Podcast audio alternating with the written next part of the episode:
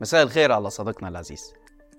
بعد انتهاء حرب أكتوبر وتوقيع الرئيس السادات معاهدة كامب ديفيد مع الاحتلال الإسرائيلي تم تدشين معبر رفح البري سنة 1979 اللي بيربط بين مصر وقطاع غزة. وفضلت إسرائيل تدير المعبر من سنة 1982 وحتى 2005 لما انسحبت من قطاع غزة بشكل كامل. وفضل المعبر شغال تحت أعين المراقبين الأوروبيين وبموافقة الاحتلال 10 ساعات يوميا وبعد وصول حركة حماس لحكم غزة سنة 2007 بدأت الخلافات حول إدارة المعبر. بسبب رفض الحركة سيطرة إسرائيل على المعبر وطالبت بفتحه دون قيود أو شروط. واعتبر نظام مبارك ساعتها أن المعبر في ظل غياب السلطة الفلسطينية والرقابة الأوروبية لا تتوافر فيه الشروط الواردة في الاتفاق. واعتبر نفسه في حل من تشغيله بشكل طبيعي بسبب طبعا الضغوط اللي مارسها عليه الجانب الإسرائيلي. وفضل المعبر بعدها وطول عهد مبارك شغال حسب المزاج. شوية يفتحوا وشويتين يقفلوا. لكن نظام مبارك في الحروب اللي كانت بتشنها إسرائيل على قطاع غزة كان دايما بيفتح المعبر للحالات الإنسانية ولدخول المساعدات العاجلة للقطاع. وبعد ثورة 25 يناير سنة 2011 قررت مصر فتح المعبر بشكل دائم لجميع احتياجات القطاع سواء حركة البضائع أو المسافرين.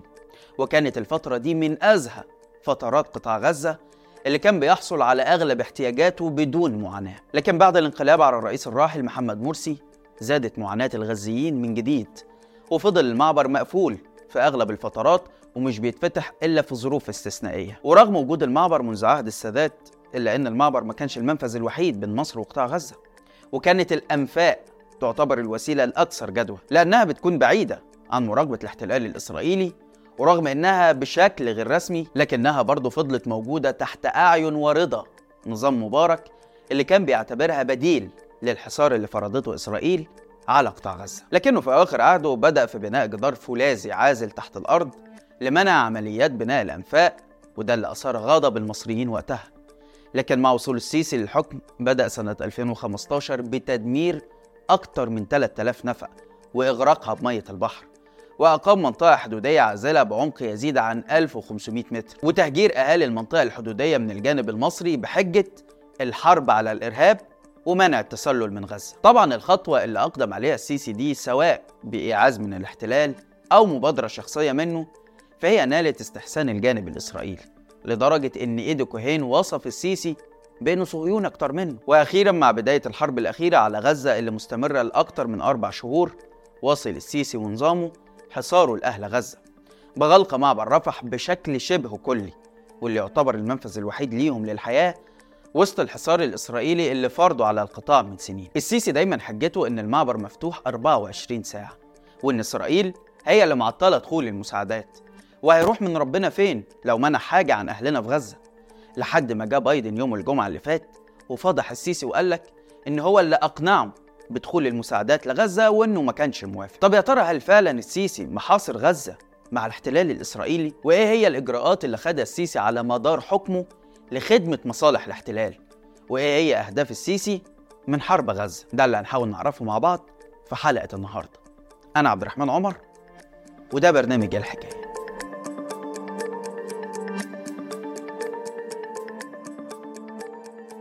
As you know, initially, President of Mexico, Sisi, did not want to open up the gate to allow humanitarian material to get in. I talked to him. I convinced him to open the gate.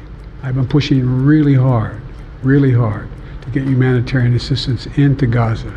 There are a lot of innocent people who are starving, a lot of innocent people who are in trouble and dying, and it's got to stop.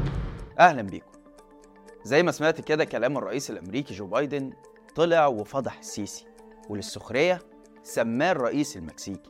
وما تفهمش بقى ده بايدن متابع الترند في مصر وعارف إن الشعب مسميه المكسيكي؟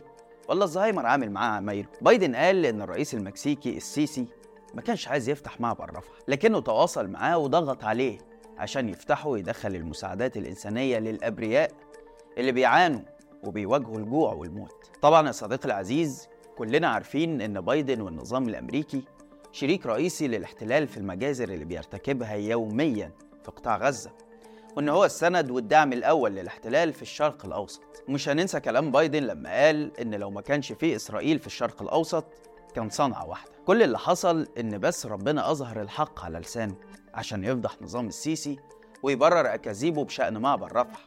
وما نصدقش بقى السيسي اللي طلع في عيد الشرطة وقام بدور الممثل العاطفي وقال لك معبر رفح مفتوح 24 ساعة في السبع أيام. وهيروح من ربنا فين لو منع مساعدات عن أهلنا في غزة؟ أنا هقول لكم كلمة صعبة قوي أنا هروح من ربنا فين لو أنا السبب؟ لو أنا السبب في إن أنا ما أدخلش لقمة عيش ل- أقدر أدخلها لغزة أروح من ربنا فين؟ لا والله. مصر أعبر رفح مفتوح على مدار ال 24 ساعة في السبع أيام. في ال 30 يوم. الحقيقة صديقي السيسي لما كان بيسأل نفسه هيروح من ربنا فين لو منع المساعدات عن أهلنا في غزة كان المفروض يضيف جنبها كام جملة. يعني يكملها ويقول هروح من ربنا فين على الحالة اللي وصلت ليها البلد في عهدي؟ هروح من ربنا فين على الغلابة اللي مش لاقيين ياكلوا بسبب سياساتي الاقتصادية الفاشلة؟ هروح من ربنا فين وأنا ببني أصول رئاسية وكباري والأسعار عمالة تزيد والمواطن الفقير هو اللي بيدفع الثمن هروح من ربنا فين على الانقلاب اللي عملته في 2013 واستيلائي على الحكم وقضائي على الديمقراطية. هروح من ربنا فين على المجازر اللي ارتكبتها في رابعة والنهضة؟ هروح من ربنا فين على البلد اللي ببيعها للخلايجة مقابل مصالحي الشخصية؟ لكن مش هنقول هنا غير الله يمسيك بالخير يا شيخ حازم صلاح أبو إسماعيل لأنه أول واحد طلع وقال على السيسي ممثل عاطفي. من يومين ثلاثة واقف عبد الفتاح السيسي القائد العام للقوات المسلحة يؤدي دور الممثل العاطفي الذي يستجلب رضا الناس. المهم نرجع تاني لموضوع بايدن ده واتهامه للسيسي بغلق المعبر. والحقيقة إن بايدن مش الوحيد اللي طلع وقال ده. الاحتلال نفسه عبر محاميه في محكمة العدل الدولية طلع ورد على تهمة منع المساعدات وقال ملناش دعوة. النظام المصري هو اللي بيتحكم في المعبر بشكل كامل. وروحوا اسألوه. كمان السيسي نفسه في لقائه مع رئيس الوزراء الإنجليزي ريشي سوناك طلع وقال إنه بيقدر جهود الرئيس الأمريكي بايدن في إدخال المساعدات. لكن طبعا ما قالش إنه أقنعه هو ولكن قال إنه أقنع إسرائيل. لازم أسجل هنا وأقدر جدا الجهود اللي بذلت من فخامة الرئيس بايدن ومنكم في إقناع إسرائيل بالسماح بفتح معبر رفح حتى يمكن لنا أن نقوم باصلاحه نتيجة ال- القصف اللي تم فيه خلال الأيام الماضية وإدخال المساعدات إلى القطاع الحقيقة إن ولا رواية بايدن ولا رواية الاحتلال ولا حتى رواية السيسي محل تصديق.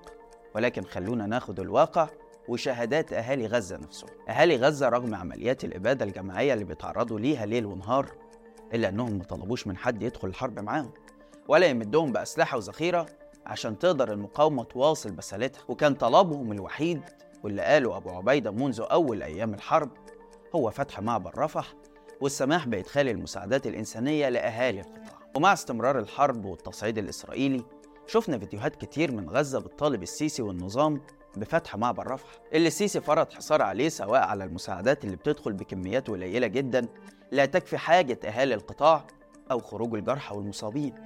وحتى المساعدات اللي بتدخل معظمها بيكون من معبر كرم أبو سالم اللي الاحتلال مسيطر عليه. حرام عليكم اتقوا الله. اتقوا الله. خلي بالكم من رحمة وينك يا سيسي افتح المعبر يا سيسي خلي طبعا ده غير استغاثات المصريين نفسهم اللي في غزة اللي مش عارفين يرجعوا بلدهم. لأنهم للأسف مش معاهم باسبور أمريكاني. ده غير ال business اللي فتحوا الجيش على آلام أهالي غزة. وبقى اللي يحب يخرج من غزة لازم يدفع 10000 دولار على الأقل. واللي كشفت عنه أكتر من صحيفة أجنبية وشهادات الفلسطينيين نفسهم.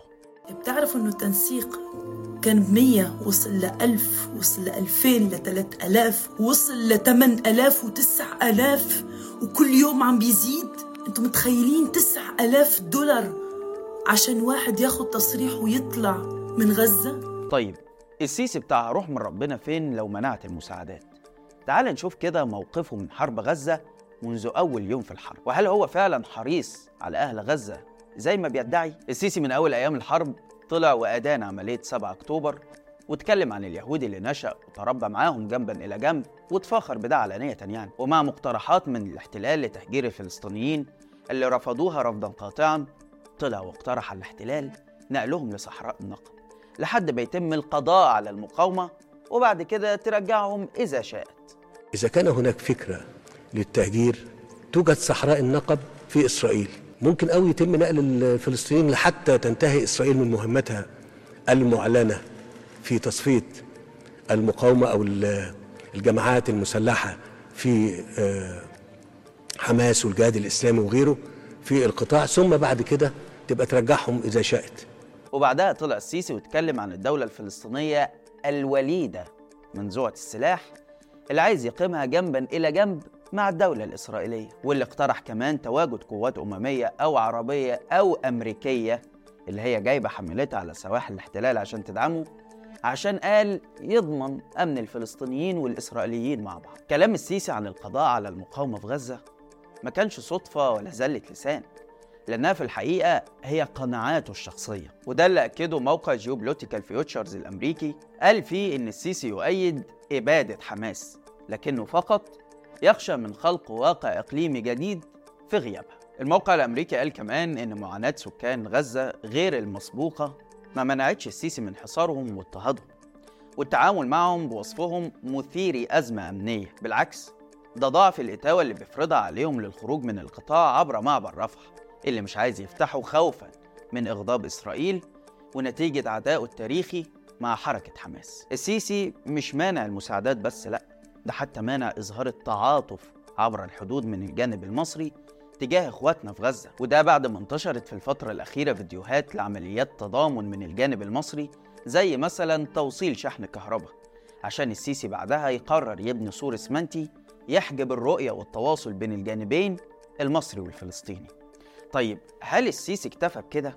لا ده طلع يعاير أهل غزة ويهدد المصريين بمعاناتهم بسبب غلاء الأسعار ويقول لنا أدي حال غزة مش لاقيين لقمة العيش. احمدوا ربنا بقى إنكم عايشين. إيه يعني غلاء أسعار ولا فشل اقتصادي؟ يعني مش هناكل؟ إحنا بناكل. مش هنشرب؟ إحنا بنشرب. كل حاجة ماشية. طب غالية أو بعضها مش متوفر؟ إيه يعني؟ إيه يعني؟ أقول لكم ربنا مدينا مثال حي لناس مش عارفين ندخل لها أكل. الايه؟ الأكل الايه؟ الأساسيات. شوية قمح أو شوية دقيق وشوية زيت عشان يعملوا لقمة عيش ياكلوها. لك أن تتخيل يا صديقي العزيز إن دي أبرز مواقف السيسي المعلنة تجاه القضية الفلسطينية منذ بدء العدوان الإسرائيلي على غزة. فما بالك بقى باللي خلف الستار واللي مش معلن.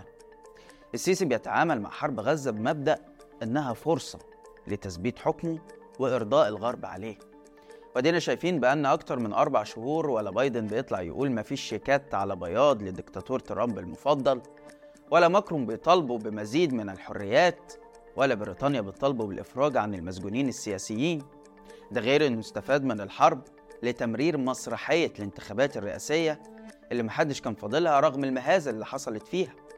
من استبعاد طبعا مرشح زي أحمد الطنطاوي لفضيحة حشد الموظفين والعمال وتهديدهم بأكل عيشهم لاستغلال حاجة الفقراء وتوزيع عليهم سلع تموينية ومبالغ زهيدة عشان ينزلوا الانتخابات. والصراحة المفروض ما نستغربش. لأن الغرب عارف مصالحه ومصالح حليفته المفضلة إسرائيل في المنطقة وعارف إن واحد زي السيسي هو الوحيد اللي يقدر يحافظ على مصالحها وكلهم شافوا تجربة الحرب في عهد الرئيس مرسي الله يرحمه ورد فعل مصر وقتها. نرجع تاني لموضوع فضيحة المكسيكي اللي كشفها الرئيس الأمريكي بايدن. وطبعا السيسي ونظامه أول ما الموضوع انتشر سرعوا بنفي الخبر سواء رسميا أو عبر إعلام النظام. اللي فجأة افتكروا إن بايدن عجوز خرف ومش عارف بيقول إيه. المتحدث باسم الرئاسة نشر بيان بعدها بكام ساعة ونفى الخبر وشغل بقى أسطوانة إن مصر من جانبها فتحت معبر رفح بدون قيود أو شروط. مش كده وبس دي كمان بتضغط على الدول المعنية عشان يتم إدخال المساعدات وإن القصف الإسرائيلي بس هو اللي بيعيق دخول المساعدات للقطاع. طبعا إحنا ردينا على الكلام ده في الحلقة. ممكن كمان نزود ردود ونتكلم عن الوفود الأجنبية اللي بتوصل معبر رفح ونظام السيسي بيرجعهم وبيمنع وصولهم لغزة.